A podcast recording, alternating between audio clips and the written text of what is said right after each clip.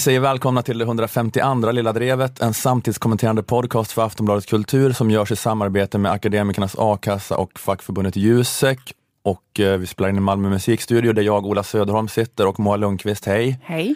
Hej, och Dilan Apak är med igen. Hej, Hej, kul att ha dig här. detsamma. Eh, jag tänkte vi skulle börja prata lite grann om sport. Wow. Har ni, Jag älskar sport. har ni hockeyfeber? Nej. Nej. Nej, det är inte så viktigt. Jag, jag tror ni, ni kan hänga med ändå. Ja, bra. Det var så att eh, Sverige vann VM-guld i söndags i Köln i Tyskland. Grattis till oss. Mm. Jag blir ändå stolt som nationalist. Det är bra att du har kommit ut som sportälskare och nationalist här på Väldigt 40 kort tid. sekunder. Ja. Det är inte he- helt i linje med alla mina fördomar. Men det, ändå... Jag upphör aldrig att förvåna folk. Men jag tänker att det är bra att ha hockey-VM i just Köln. För att eh, Köln har ju efter händelserna där förra året blivit symbolen för skräcken för de här himla invandrarna som kommer hit och begår övergrepp på våra tjejer.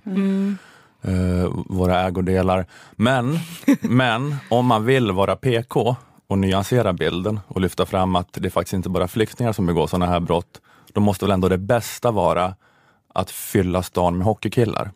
Ja, okej. Upphovsmännen till alla världens bjästa fall samlade på en och samma plats. Ja, det är väldigt bra nyansering. Då får alla lära sig att aha, det är inte bara araberna som tafsar. Mm.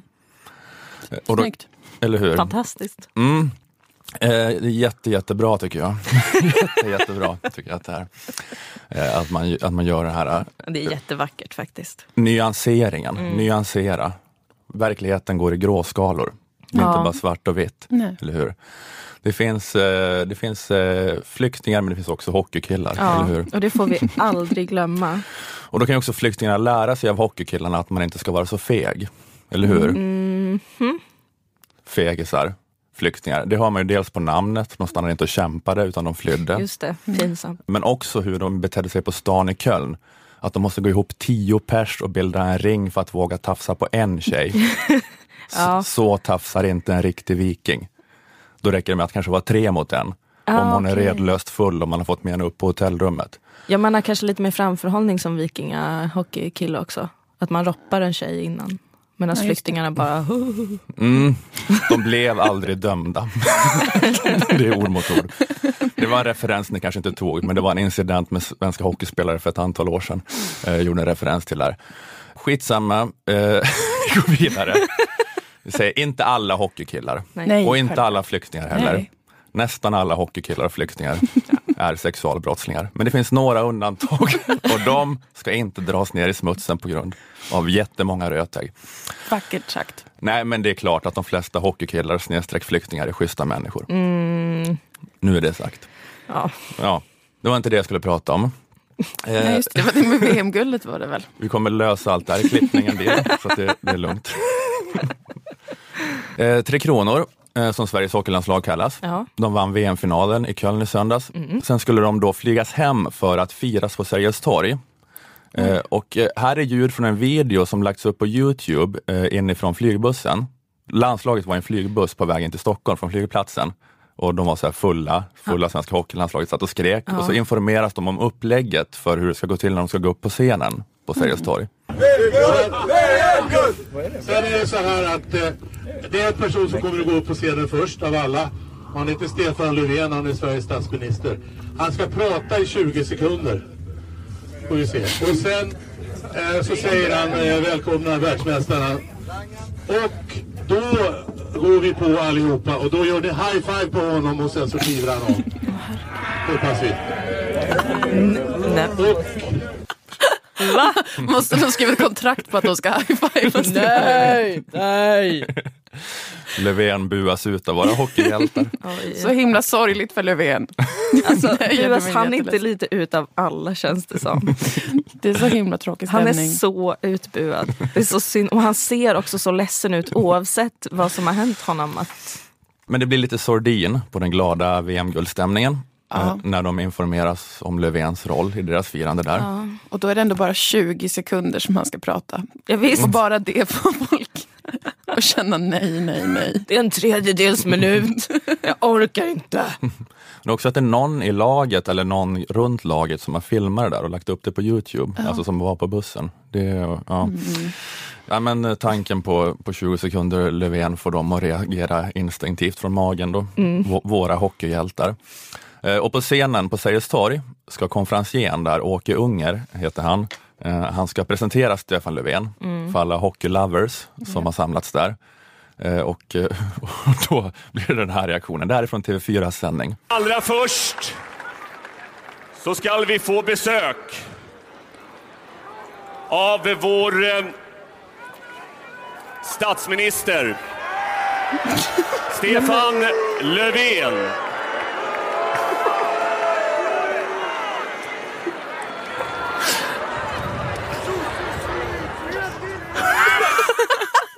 Nej, men var det någon som bara skrek i ren desperation nej? Var det någon som också Liksom. skrek sossesvin? Jag hörde absolut det. Ni- Vi kan, vi kan, jag highlightar de här två sista skriken, vi kan höra på en gång till. Ja. Vad var det sista? Fel tillfälle. Nu när Sverige vunnit VM-guld är det helt fel tillfälle. Oj, oj, oj. Nej men jag får ont i magen av det här, av sorg. Ja, jag tror Stefan Löfven börjar ångra hela grejen lite grann nu. Mhm. Skulle aldrig ha lämnat Versailles. Jag ska ut och möta mitt folk, de är tokiga. Va? Oh, yes. Det är ju jag, den käre ledaren. Ja, men det, jag tycker det är intressant här hur konfan eh, Åke Unger, hur han hanterar det här buandet av Stefan Löfven. För att han säger det, så märker han att, de börjar bua. Och då börjar han direkt istället säga, men vi är här för att fira Tre Kronor, Tre Kronor. Han börjar bara säga det för att få publiken att tänka på något hålla annat. en sån nyckelknippa framför ett spädbarn så Ja. börjar skratta igen. Exakt. Tre kronor är det. det är, sådana skills han måste plocka fram. Liksom. Bara distraktionsskills. För han börjar med någon improviserad hyllning av spelarna som fortfarande inte har kommit upp eh, på scenen. Men han börjar berätta om vilka spelare som sen ska upp på scenen efter att Stefan Löfven har varit där. Vi kan lyssna lite. För det här är till att börja med en kille som är en av världens allra bästa offensiva backar. Här och nu har han fått visa det i VM genom att vinna ett VM-guld. Vi pratar om John Klingberg, men nu ser vi att statsministern kommer. Nu kommer han. Han är dressad dessutom i gult och blått som det anstår sig en dag när vi välkomnar Tre Kronor. Men allra först, mycket varmt välkommen statsministern. Tack så mycket. Hej Sergels torg! Nej men det här är det värsta jag har hört. Jag hade ingen aning om att det var så här illa. Det var ju ändå väldigt vacker, vilken omvårdande konferencier som Ja. bara, okej men nu ska jag försöka skapa ett jubel Ja, åt en hockeyspelare, för en hockeyspelare som Stefan kan glida in i. Så Ja, att han exakt. aldrig behöver tro att alla, alla, alla hatar honom. Så. ja, det, är så himla, ja, det är så himla snyggt att börja snacka om den där spelaren. John, John Klingberg. Kom igen då. John Ja, Klingberg. Klingberg, men först Stefan Löfven, kom Stefan. Stefan kom in. Snabbt bara. Men nu ser jag att statsministern kommer också. Jag bara försöker. Han är, dress, han är dressad. Jag blir glad av det. Också. Gult och blått, ni blir glada av det. Här kommer Stefan Löfven, John Klingberg, John Klingberg, John Klingberg. Löfven, Löfven. Fort, fort upp. Ja, Jag vet, ja, men det, jag försöker dämpa buandet åt Löfven genom att låta honom gå upp i en applåd då för John Klingberg, en av världens bästa offensiva backar. Ja, ja precis. John kommer ju inte upp på scenen då, det är bara Löfven som kommer upp. Men det kommer inte att gå att få, en applåd för Stefan Löfven, som man kan gå upp till, konstaterar Åke Unger. Så att han behövde John Klingbergs namn för att ta upp Löfven. Nu, nu funkade det inte så bra, det, blev, det var rätt tydliga burop i alla fall. Ja. Väldigt tydliga. Alltså publiken lät sig absolut inte hypnotiseras. Nej. Så att säga. Jag var oerhört skärpta på. De jävligt tydliga med vad de tycker. Precis. Jag tänker inte, jag tänker inte gå på det här John Klingberg-knepet. Men det var, ändå, eh, det var ändå kreativt tänkt av Åke Unger, att han kunde tänka på studs där på scenen tyckte jag. Ja, Jättebra konf. tappert försök att rädda situationen. Ja. Jag tycker ändå att Åke Unger är veckans kämpe. Men sen gick Löfven upp och började köra sitt oefterhärmliga stream of conscience. De har gett precis allt för varann.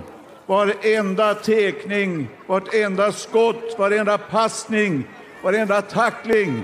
Och jag tror till och med att William Nylander blev tacklad efter att turneringen var slut, men han tog den också.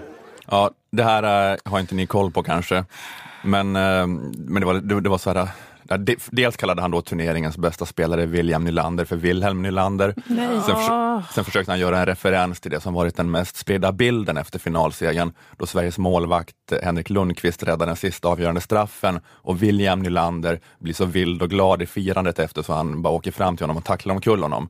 Men Löfven sa, sa det som att det var Nylander som blev tacklad. Ja. Så, det, så det var bara, han bara sa något som alla som Han var där gjorde visste var tvärtom fel. fel. Så det var bara eh, face, facepalm rakt igenom. Why? Ja, jag vet inte riktigt vad man ska säga om allt det här. Det är väl dels obegripligt att Löfven inte hade hjälm på sig. Ja, han skulle haft en guldhjälm.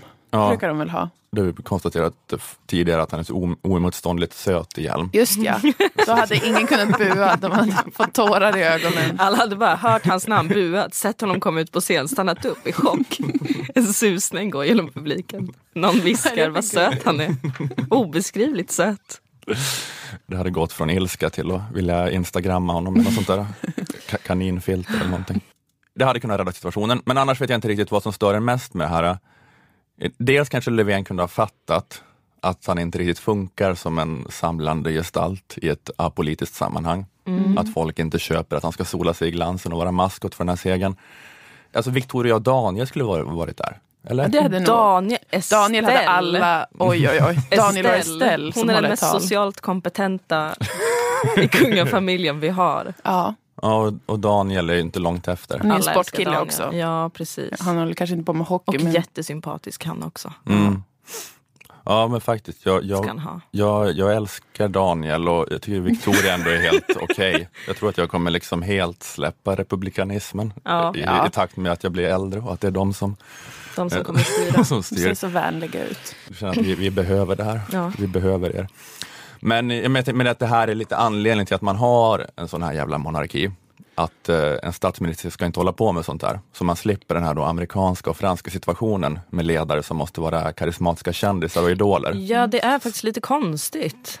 som man så ska ty sig till som enande nationella symboler.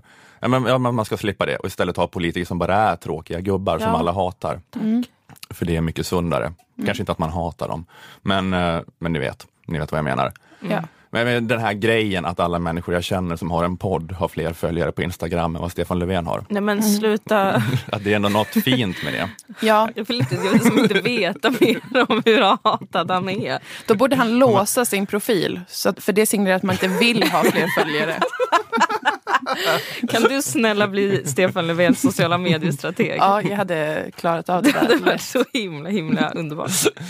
Och heter inte Stefan Löfven, har något så här konstigt alias som bara de som är in... Som förstår en referens. Ja, precis. Det behöver han göra. Het något så här emo-bands-citat bara istället. Något från Twin Peaks. Just det. Men brukar statsministrar göra detta? Eller är det något som han har fått ett tips om att han ska göra nu? För jag känner inte att jag känner till den här bilden av en statsminister i en gulblå tröja som säger Alltså de brukar ju gå på matcherna ganska ofta. Ja. Att man zoomar in Reinfeldt när han är på eh, landslagsmatch. Mm. Fast ja, men det här med att gå upp sådär på scenen i ett sånt här firande. Ja, det, jag vet inte fan alltså om de brukar göra det. Det känns Undersöka faktiskt spontant saker. som en mycket mer kunglig syssla. Ja, det, Ja. Det, det är lite faktiskt av ett övertramp. En representativt demokratisk syssla. Men, ja, men man kan störa sig lite på det, den dåliga bedömningen. Men sen kan jag också känna att jag stör mig lite grann på att, att folk buar och att, att hockeyspelare buar, att det sker idag. Ja. Sen, sen så ska man kanske också säga att, jag, jag vet, det är lite svårt att säga exakt hur många som buar i och för sig. Alltså, det kan ju låta sådär äh, på en inspelning fast det bara är 5 procent som det. buar. Alltså om det är liksom Sant. 50 000 pers på Sant. Sergels torg. Men det är ändå bara något med att det sker idag tycker jag. Att, eh, alltså det är så typiskt det här buandet att det inte finns att ingen kan så här, vara ointresserad och obrydd om politik. Utan att så här, varför bryr sig alla så jävla mycket om politik? Ja. alltså, jag, jag blir helt galen på det. Mm, Ja, det hade ju varit mer, liksom, hade känts bättre om folk bara var helt avmätta när han gick upp. Ja, och väntar 20 sekunder, sen kommer favorithjältarna. Exakt, att det är bara en tråkig gubbe. Och det kanske, Jag vet inte om det finns konkreta materiella skäl till att det ska vara så här polariserat och uppjagat idag, så det är okänsligt av mig att klaga på det. Men jag blir ändå så jävla matt, att jag bara känner att ni, kan ni bara sluta? Det, ja, det, det som Stephen Colbert sa där efter Trump-valet, att man minns en tid då politik inte var dygnet runt underhållning som alla var konstant hysteriska över. Och jag vet att jag personligen ska vara glad över den här då, eh, tokiga tidsandan, för, det är så jag betalar min lön. Ja. För att jag slött kan kommentera den här skiten och att det av någon obegriplig anledning finns ett intresse för det. Men jag, jag skiter ändå i egenintresset för jag orkar ändå inte. Hur kan alla åsikter? Alltså på 90-talet hade ingen åsikter. Hur kan hockeyspelarna ha en åsikt om statsministern? De hade inte vetat vem han var på 90-talet. De hade inte vetat vad en statsminister var. De hade tänkt statsminister, det är någon som jobbar på förbundet kanske. Och jag tycker det var bättre. En fruktansvärd utveckling. Jag förstår inte alls. Jag blir, ju mer jag tänker, ju mer du pratar Ola, desto mer förvirrad känner jag att jag blir. Vem, liksom, vem tänker ens att de ska... va- Hur pratar de med varandra på regeringskansliet? Vem planerar hans tid? Vem kom på? Det är säkert någon liten ung sosse som bara, men Stefan du ska gå på scenen då. För att alla kommer älska det. Har han sagt någonting om det i efterhand, Stefan? Nej, Mellan tårarna. Jag undrar så mycket om han, om han eh, tänker på det. Jag är så ignorerar ledsen säkert. för hans skull. Jag vill inte tycka synd om en vuxen människa men nu sitter jag här och gör det ändå. känns jättejobbigt. Kanske att därför folk blir arga, för att man känner sig tvungen att tycka synd om honom. Så skapar sån känsla av förakt. Ja, kanske att hockey, hockeyfans också är lite så tuffa och råbarkade och bara vill se en liksom tuff man gå upp på Det scenen. skapar så mycket oro att man tycker synd om Ja. honom för han ser så ledsen ut. Så kommer typ Morran upp. Man blir bara irriterad på att Åh, varför? varför går du upp Ja. och lägger allt som du är på mig? varför blir det här mitt ansvar? att, det är den, att det är den jobbiga Hela känslan. publiken känner Det är bara därför de skriker nej i panik. Så de vet vad som väntar. Okej, ja, det här är lite det här är inte riktigt en prata utan det är lite splittrat. Det är ett lite hopplock utav mina tankar efter hockey-VM-finalen. Eh, för jag, har- jag har en grej till att ta upp i relation till hockey-VM. Aktuellt gjorde ett reportage om kostnaderna för oss skattebetalare när det är stora sportevenemang. Suck. För en liten stund sedan avslutades derbyt i fotbollsallsvenskan mellan Djurgården och AIK med en numera sedvanlig stor polisbevakning. I Stockholm har flera hundra poliser idag ägnat sin arbetstid åt att hålla koll på sportsupportrar. Ett annat evenemang var ju Tre, Kron- Tre Kronors stora VM-guldfirande på Sergels torg. Ja, så mycket snutar måste bevaka alla sportbollfans och det är inte gratis.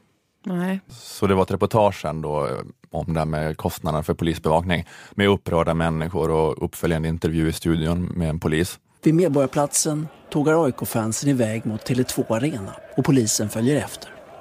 Nej, jag tycker det här är supertråkigt. Det är helt meningslöst att eh, våra resurser ska gå till sånt här. Alltså polisens resurser. Bara ett derby kostar alltså 3,7 miljoner beräknar man. Är det rätt använda pengar tycker du? Ja, det är naturligtvis svårt att säga, men Där får ju till exempel alltid kvinnor höra att när de inte får den hjälp som de önskar, då är det resursbrist. Oj, var det aktuellt? Eh, Ja, det var aktuell, aktuellt programledaren som eh, intervjuade en polis i studion. Jag gjorde en snabb sammanfattning av hela reportaget här. Kolla hur mycket det kostar med ett stort sportevenemang i polisbevakning. Ställa sig frågan om det är, inte är rimligt att använda de resurserna till att istället till exempel hjälpa kvinnor som utsätts för våldsbrott. Det var liksom hela grejen. Och det är väl okej, tänker jag, att man är emot de här stora sportevenemangen bara för att man tycker att det är debilt och det är underhållning av idioter för idioter. Om man bara sa det, då tycker jag att det hade varit eh, hyf- hyfsat hederligt. Jag hade inte haft något problem med det. Ja. Bara Det stör bra, mig på att det är så mycket idioter på stan. Ja. kan ni sluta? Men det är bara något med de här beräkningarna, att så mycket kostar det, som jag tycker känns lite sådär. Att jag tycker att det är en märklig samhällsekonomisk kalkyl.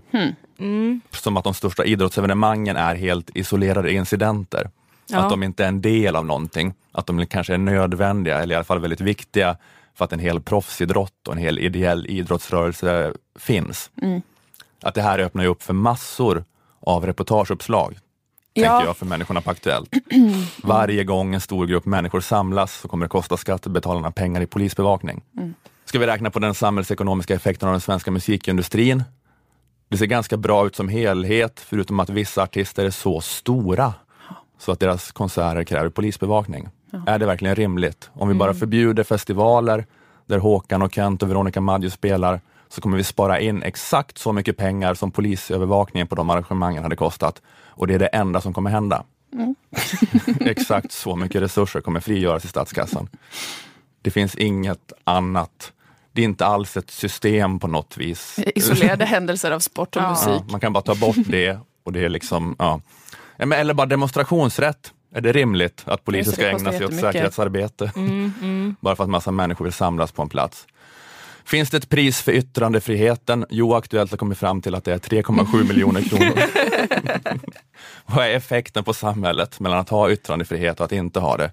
Det är samma, förutom att om man inte har det så slipper man vissa poliskostnader ibland. Just det. Det är liksom det. Ni fattar vad jag Ja, menar. Jag med. Jag raljerar på ett väldigt omständigt sätt här. Dig. Fortsätter dunka in en poäng som alla har fattat för länge sedan. jag tycker inte man kan räkna så aktuellt. Nej. Meddelande till Aktuellt, jag tycker inte man kan räkna så. Nej, Nej, det är lite slappt. lite slött räknat av er. Ja, det är lite gjort. Ja. jag. Lite tråkigt. Precis. Säg gärna att ni hatar fotboll, att de är idioter, de som går och skriker på gatan. Ja. Det tycker jag är helt okej ifall det är huvudnyheten i Aktuellt varje kväll. AIK-are och djurgårdare är liksom grottmänniskor. Men om ni så ska räkna på, på den här liksom kostnaden, det blir sådär.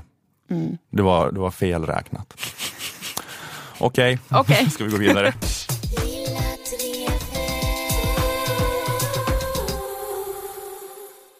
Jag vill prata med er idag om att jag känner att vi behöver ändra lite i lagen om offentlig upphandling. Mhm. Okej. Tråkigt kan man tänka. Varför pirrar kommer det vi till? till med så tråkigt ämne? Det är inte så tråkigt som man kan tro, vill jag säga. Nej. Okej. Eh, lagen om offentlig upphandling. Eh, offentlig upphandling kan man väl nämna lite kort vad det, vad det är för någonting. Mm. Ja, jag vill förenkla det här väldigt grovt och det kommer jag göra. Och det är väl när det offentliga vill göra något. Staten, landsting, kommun. De kanske vill bygga hus till exempel. Bygga hyresrätter, LOL, as if ever.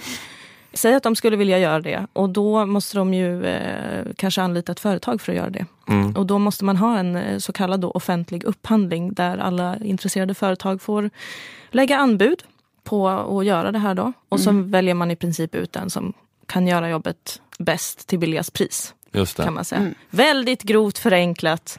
Jag vet, men vem fan bryr sig? När vi ändå ska ändra i den här lagen. Mm. Jag vill ändra i den utifrån min egen livsfilosofi som är att du kan aldrig ändra på verkligheten. Du kan bara ändra på din attityd till verkligheten. Jag vet inte om ni såg det men häromdagen så rapporterade Sveriges Radio om att eh, Saab, det här bolaget, eh, eventuellt då kan ha mutat Luftfartsverket, en myndighet, och deras eh, tillsynsmyndighet Transportstyrelsen genom att bjuda dem på middagsfest, kallar jag det. Det kan också bara ha varit en middag. Men det känns som, mer som en middagsfest. I Madrid. Ooh. Den här middagen ägde rum en vecka innan Luftfartsverket skulle dra igång en upphandling. Eh, och där skulle Saab med högsta sannolikhet delta och lägga ett anbud i den här upphandlingen. Okej. Alltså Luftfartsverket fick middag Ja. av Saab. Precis. Eh, och det här är inte bara vad man kallar direkt olämpligt. Utan det kan också vara brottsligt för att det skulle då kunna klassas som en muta. Man vill alltid hålla sig på direkt olämpligt sidan Ja, och inte gå över till brottsligt. Där allt kan alltid vara direkt olämpligt. Ja, men brottsligt, ja då måste vi kolla i, lagboken. Eh, och alla som läser nyheterna tänker, jaha, en vanlig dag i Sverige. Muthärvor är mer regelbundet än månens varv runt jorden. Ja, det Känner jag ofta. Ja, Men ja, Sverige är väl världens minst korrumperade land. Ja. Det har jag alltid fått lära mig. Det får man ju lära sig. Men sen så känner man, eller i alla fall jag väldigt ofta, att det här med mutfiffel inför offentliga upphandlingar, det känns lite som en verklighet. I varje fall att man alltid balanserar lite på gränsen och att det alltid är någon som är lite misstänkt för att kanske ha bjudit på en Mm, det är middag för alltid mycket. lite olämpligt. Ja, alltid lite Världens mest lite olämpliga land Ja. när det kommer till sånt här. Vi kanske är minst korrumperade men vi är mest direkt olämpliga. Det är vi. Okej. Och det här försöker vi då liksom ändra på eller i alla fall kontrollera genom lagstiftning och tillsyn och annat. Och jag börjar känna lite så här, sluta. Börjar jag känna. Jag börjar tröttna på det här. Sluta hålla på att ändra på något som våra myndigheter och bolag verkar älska uppenbarligen. Ja. Att få bjuda varandra på lite gottis. Ska det vara så jävla förbjudet verkligen? Börjar jag känna. För att uppenbarligen spelar det ingen roll att det är kriminaliserat. De gör det eller så balanserar de på gränsen hela, hela, hela tiden ändå. Ja, det är en tröttsam nyhet att läsa. Det jag. är det. det, är liksom inte, det. Jag orkar inte heller mer ja. av det. Och då kan man börja fundera lite, men varför är det så här då? Varför är det på det sättet? Ja, för att de här aktörerna såklart inte kan låta bli att följa sin naturliga instinkt, som jag utgår från att det är. När något ska upphandlas offentligt så vill man bli lite skärmad. Mm. Eller hur? Olagligt för alla vissa. Är det så jävla konstigt undrar jag?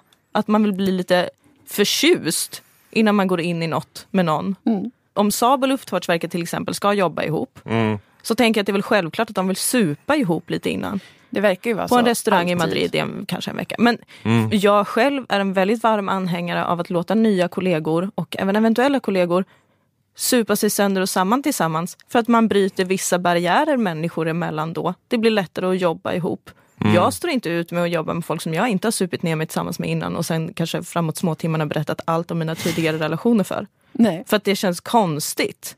Mm. Det är en toppengrej tycker jag. Problemet är alltså egentligen inte hur verkligheten ser ut utan hur våran, folket, medias, politikers attityd till den här verkligheten ser ut. Att vi håller på och neggar och desperat försöker lagstifta bort vad som är alla aktörers natur, privata som offentliga. Festa först, jobba sen. Ja. Även facket gillar ju det här har vi märkt, eller hur? Ja. Så att mitt lilla förslag är att vi istället för att försöka ändra på den här tråkattityden som vi har och försöker liksom harmonisera lagstiftningen med verkligheten.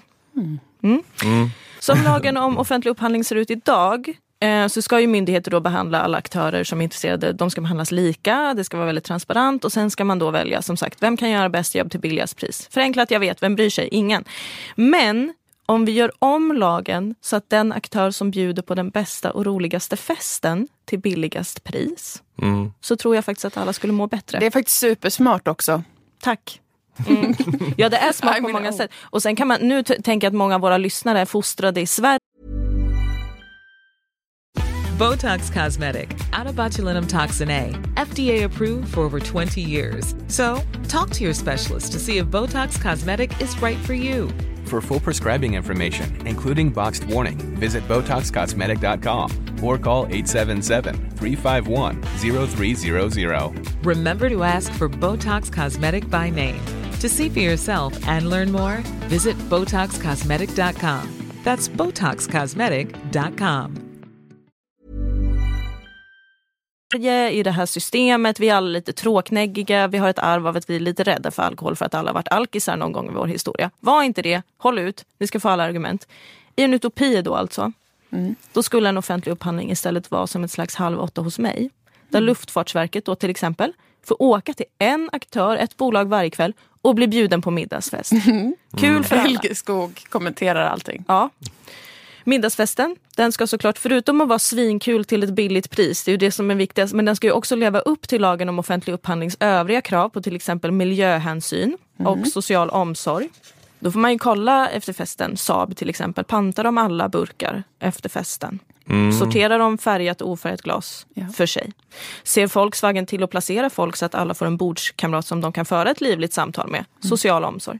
Var det värt av Volvo att lägga extra pengar på rökmaskiner eller var det överflödigt? Betyder det här att de inte kommer vara så kostnadseffektiva sen i själva projektet? Ja kan man få en tanke om då. Mm. När man sitter där på festen och har öppnat sina sinnen lite med alkohol och knark eller vad man nu tar ja. på en det, middagsfest. Det, att det är egentligen ett bättre sätt att lära känna någon än att be dem komma med liksom rit, ritningar och beräkningar. Att Absolut. Så, så som du festar är också så du kommer bygga flygplan. Ja, och jag tänker också helt ärligt att man kan väl vara lite överens om att alla intresserade aktörer kan bygga ett flygplan. Vad fan skulle de göra där annars?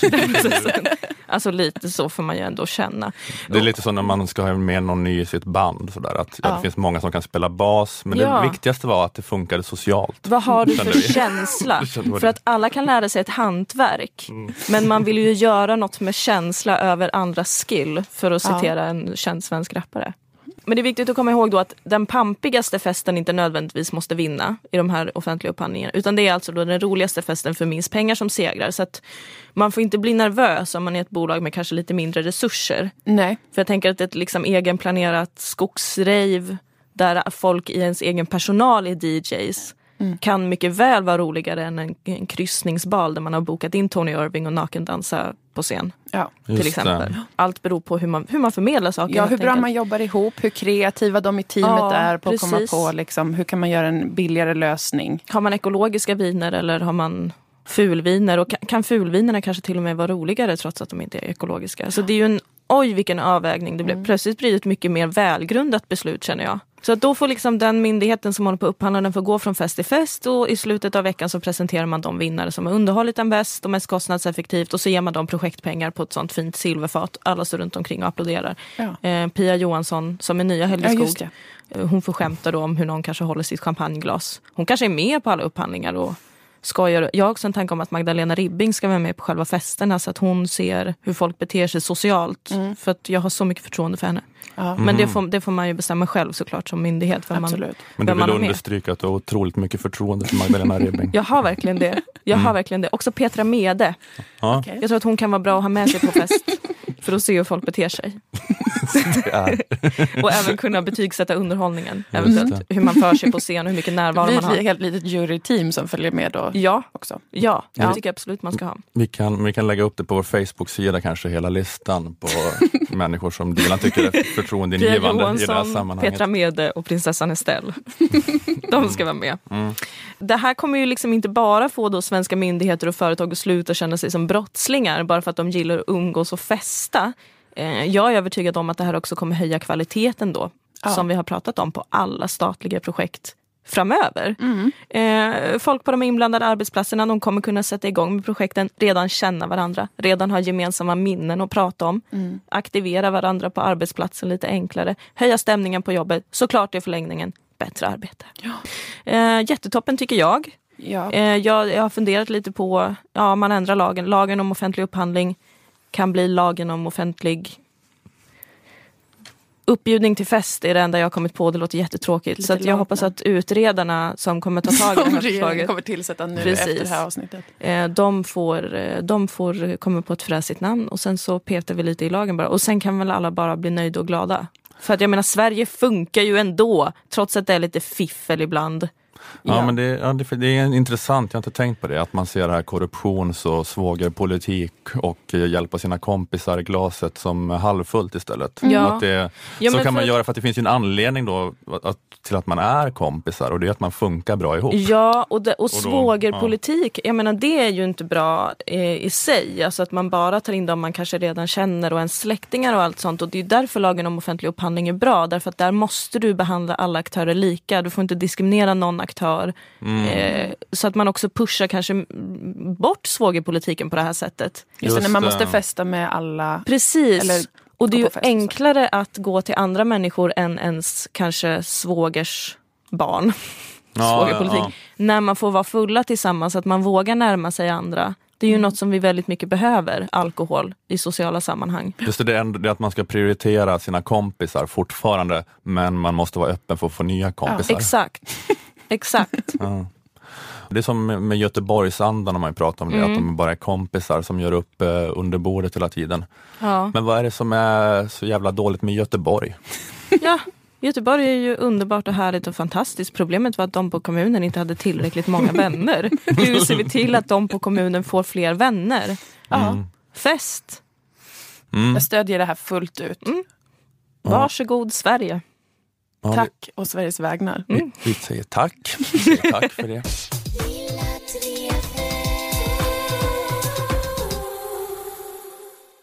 Vi vill tacka våra sponsorer Akademikernas a-kassa och fackförbundet Jusek som gör den här podden möjlig och eh, skänker trygghet, mening, känsla av hemkomst i kosmos åt alla stackare där ute i arbetslivet.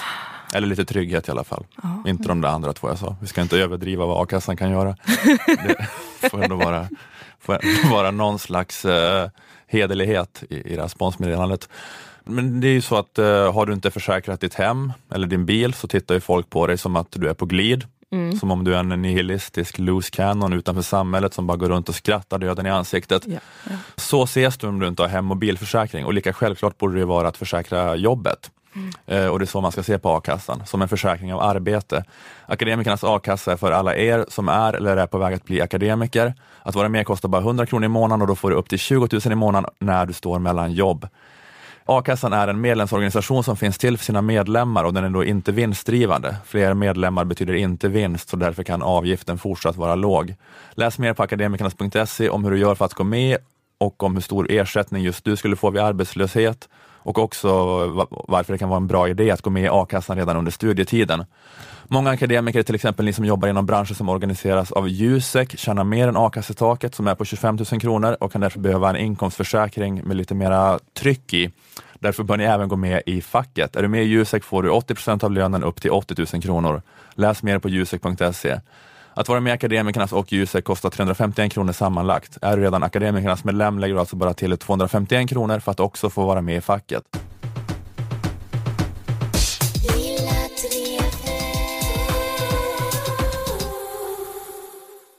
I april så presenterade Försäkringskassan en ny rapport om eh, psykisk ohälsa som visade att eh, sjukskrivningar på grund av psykiatriska diagnoser nästan har fördubblats de senaste fem åren.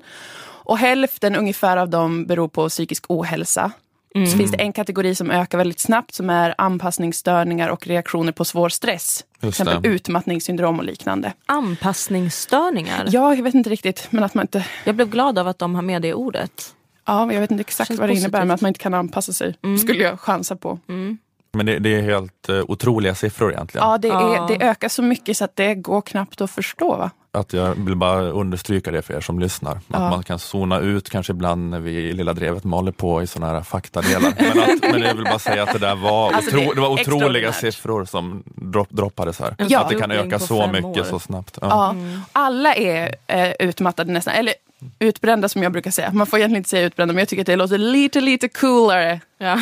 man tänker sig att man sitter på en motorcykel bara på en eh, motorväg, bränner ner mot solnedgången, kör rakt in i en sten. Ja. Och det tycker jag låter coolare än att vara utmattad för det låter som något småbarnsföräldrar bara är hela tiden. Det låter mm. svagt medan utbränd ändå låter lite, lite som ett Ja, det låter val. som man har levt. Ja. Tycker jag. det är lite rockmyten. Ja. Så därför kommer jag fortsätta kalla det utbrändhet även Bra. om det är fel. Men ord har mm. betydelse. Ja. Mm. Mm. Ord skapar verkligheten. Ja. Eller? Eller, och det är det jag vill prata om. Vi tar den, vi tar den debatten en annan gång. om det här med ord. Ja, men det, det, i alla fall, det ökar så mycket så det är helt otroligt. Kvinnliga läkare som sjukskrivs för utmattningssyndrom har ökat jättemycket, särskilt mycket. 2010 var 2,7 sjukskrivna per tusen sysselsatta kvinnliga läkare specifikt. 2015 var samma siffra då 8,6 sjukskrivna per Oj. tusen sysselsatta kvinnliga läkare. Alltså det, det är, och då har man inte ens siffror på de senaste två åren. Då, där, mm. Den senaste mm. 2015. Och, och sen undersköterskor och sjuksköterskor, där tror jag inte ens att det finns några siffror för det är så många så att det räcker inte. Alltså det man kan inte på hur många som mår bra. Det är 2,7 per tusen undersköterskor. är glada. Det, det, alla är så otroligt utmattade. Och inom vården då specifikt mycket, ökar jättemycket. Ja. För någon vecka sedan så kom även nyheten att den ansvariga ministern för sjukvården, Gabriel Wikström, har mm. blivit utbränd. Och det... Hur reagerar man på det? Hur reagerar man på det? Är, är det så här temat för avsnittet, öm, ömka för sossar? det är det. Nej men ja, det är ju tråkigt att höra.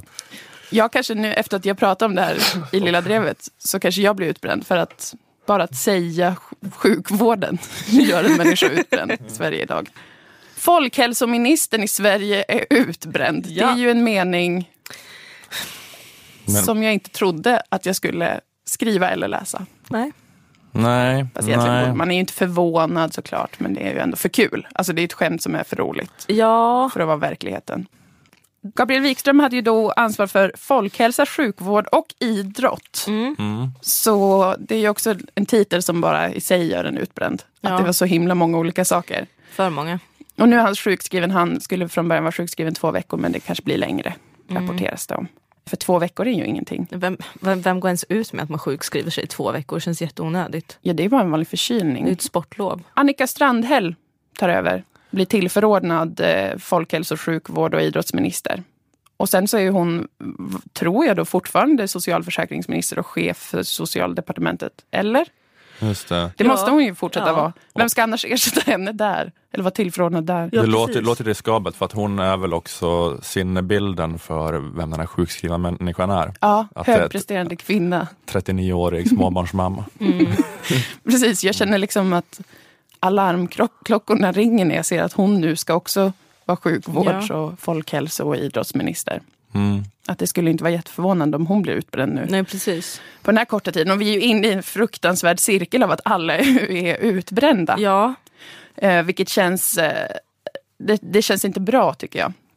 Många har ju dragit det klassiska skämtet. Det verkar som att det är, man blir sjuk av att jobba, att det är farligt för en. Kanske man ska höja skatten på, på det, precis som med läsk. Men det skämtet tänker inte jag dra. Nej. För jag har sett så många göra det. Ah, Jag okej. tycker att det är enkelt. bra att du tar Mm. avstånd Mm. från så Jag ville- enkla, jag enkla skämt avstånd. Mm. Mm. Men det, det, det diskuteras ju, vad beror det på? Vad finns det för anledningar till att så himla många är utmattade på jobbet? Mm. Det finns ju jättemånga förklaringar. Strukturella, politiska, liksom, ja, organisatoriska. Oj, oj, oj, oj, oj, vad mycket det finns. Och det är Ja. administration för vårdpersonal. Och det är Och inkompetens. digitaliseringen allt. och internet och jobbet Mm. med jämt. Om det låter som en rimlig bedömning, att det är jättemånga förklaringar. Det finns jättemånga förklaringar. Och vi alla vet väl. Så många förklaringar att man blir utbränd av att tänka på Ja. hur många förklaringar det finns. Men man vet väl ungefär vad det beror på. Eller liksom, det, det är mycket det här med att det är ökat ansvar kombinerat med litet inflytande över sin arbetssituation. Mm. Sa Läkarförbundet då, specifikt gällande varför så många kvinnliga läkare sjukskriver sig. Ja. Sen så kanske det finns också då privata anledningar och så vidare. Men jag skulle vilja eh, lägga skuldbördan på alla som sjukskriver sig för utmattning istället. Mhm. Gabriel Wikström till exempel. Mm. Eh, och även för Annika Strandhäll som hoppar in i hans eh, skor. Ja. Skulle vilja säga att eh, jag hade gärna sett dem göra på något annat sätt. De är ändå ansvariga politiker. Och Gabriel Wikström, då, folkhälsominister, borde ha föregått med bättre exempel. Än att eh, sjukskriva sig i två veckor och vara så här, Annika f- kliver in och fortsätter upprätthålla det här uppenbart sjuka systemet. Då. Mm. Där han ju inte mår bra. Hur ska Annika kunna må bra där då? ja, det är ju rimligt att tänka så. Mm. Jag hade hellre sett att Gabriel Wikström hade bara liksom brutit ihop inför Stefan Löfven och inför alla i regeringen. Att han kommer in på jobbet i pyjamas, eh, Ja. skriker, liksom, vem fan bär ansvar för det här? Jag håller på att stressa ihjäl mig just nu.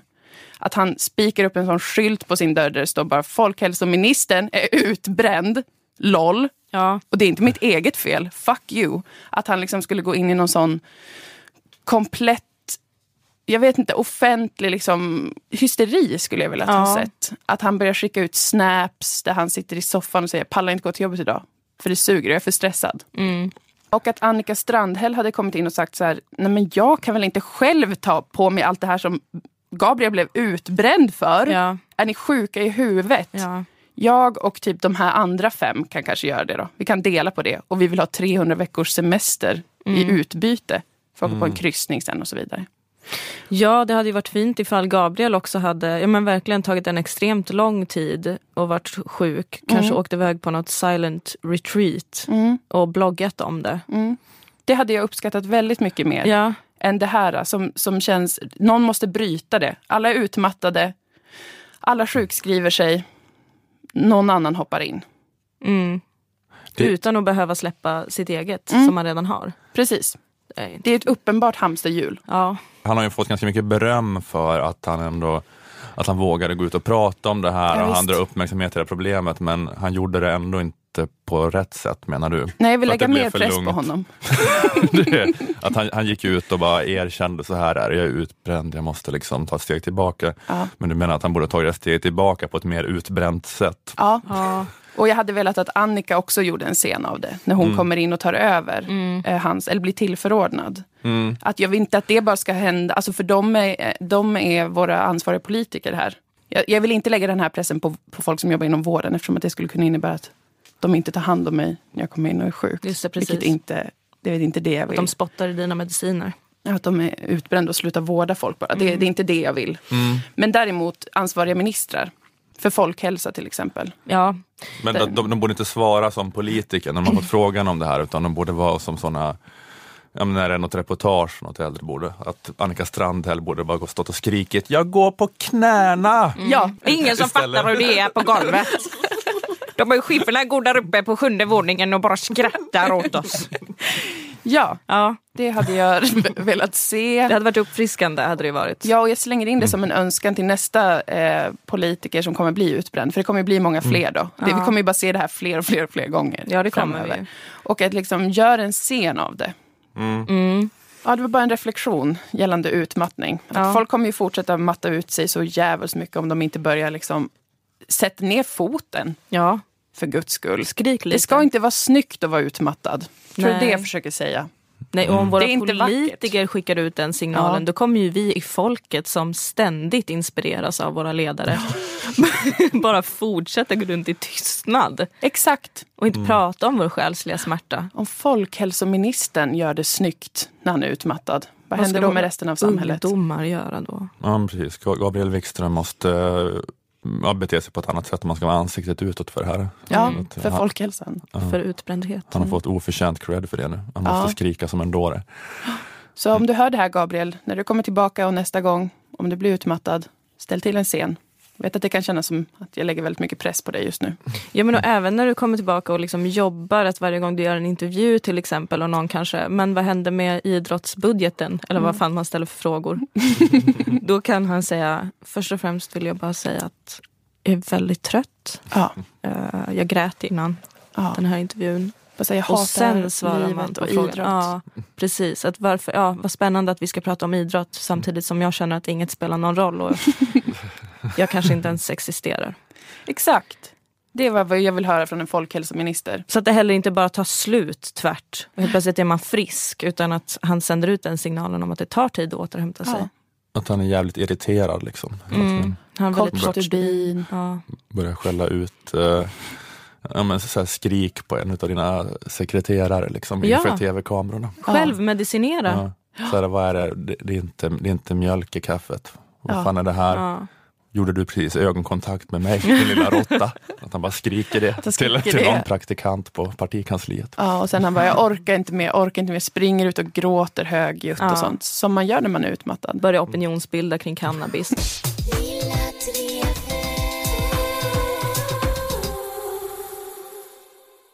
Det var en attack på en konsert i Manchester i tisdags. Ja. Just. En självmordsbombare dödade 22 människor. Eh, är den siffran vi har hört än så länge. Va?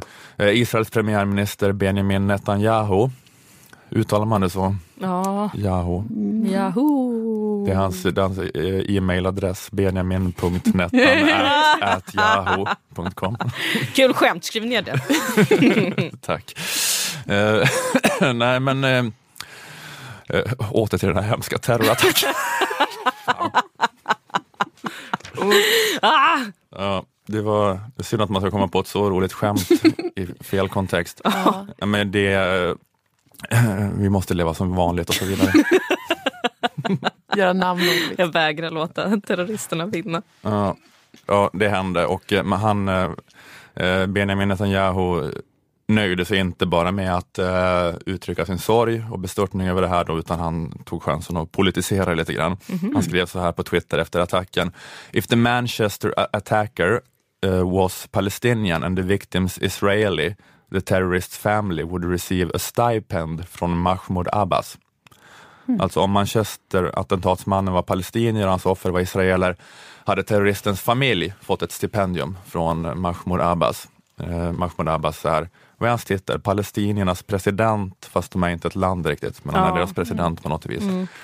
Eh, jag är väl ingen anhängare så av Mahmoud Abbas eller hans policy att ge stipendium som belöning för terrorattacker, eh, om det är, så.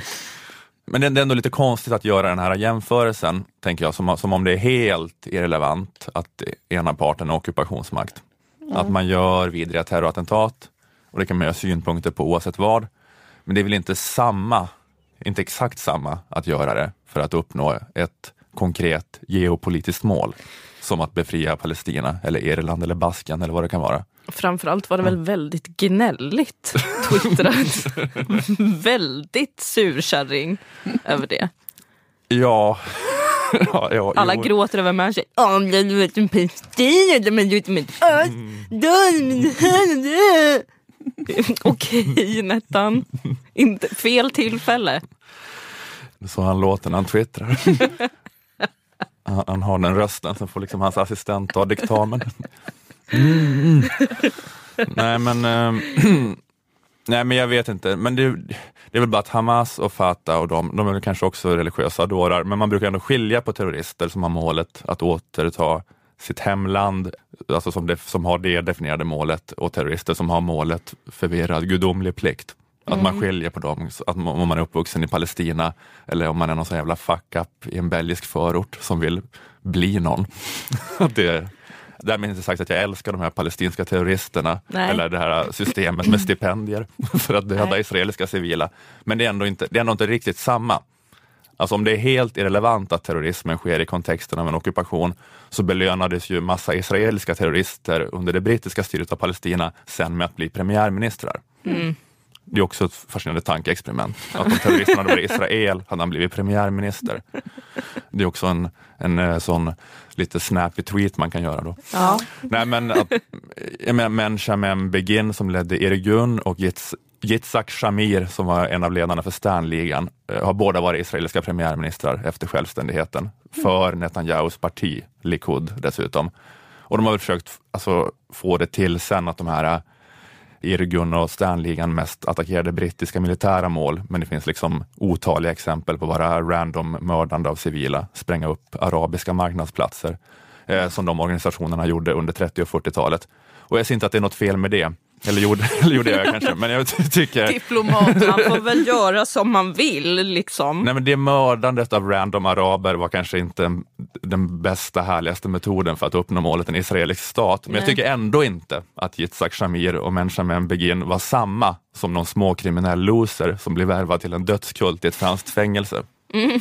Jag fattar varför de ändå blev premiärministrar och varför någon random sopa som Rakhmat Akilov aldrig kommer bli det. Det är viktigt att veta varför man hatar olika grupper och att det är av olika skäl. Ja, exakt. Mm. Jag, jag, liksom, eh, jag har verkligen, eh, jag fattar varför Netanyahu, att han har väl all rätt utifrån sina, sitt perspektiv att hata Mahmoud Abbas och de Mm. handlingar i Palestinas namn som Abbas rättfärdigar. Men Netanyahu gör sig ändå lite dummare än vad han är tycker jag med den här jämförelsen. Ja. Jag blir bara så himla besviken när israeliska högerpolitiker gör sig lite dummare än vad de är. När de inte har en fullgod analys. Det är det värsta jag vet. Ni känner mig. Jag hatar falskhet. Särskilt när det kommer från israeliska högerpolitiker.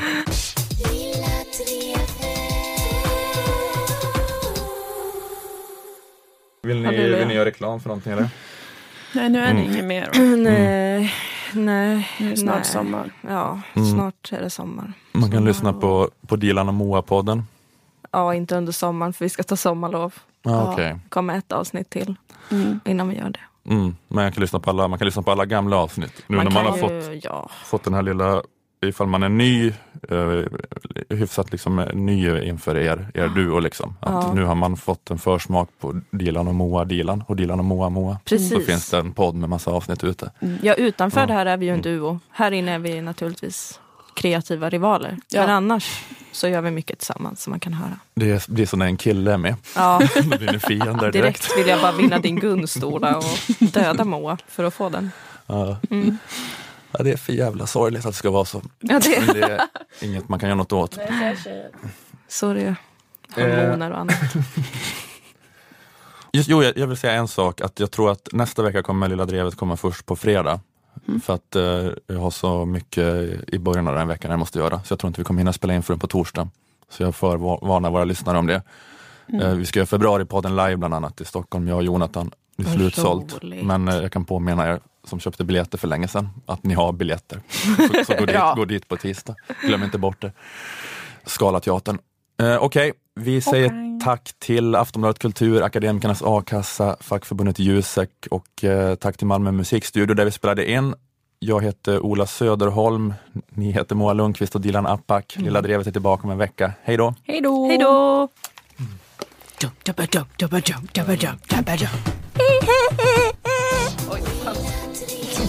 var det det bästa du Jag ber om ursäkt, jag har inte värmt upp rösten innan.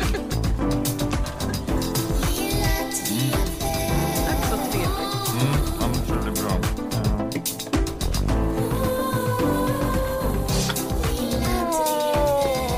Åh, Åh, Scalateatern. Mm.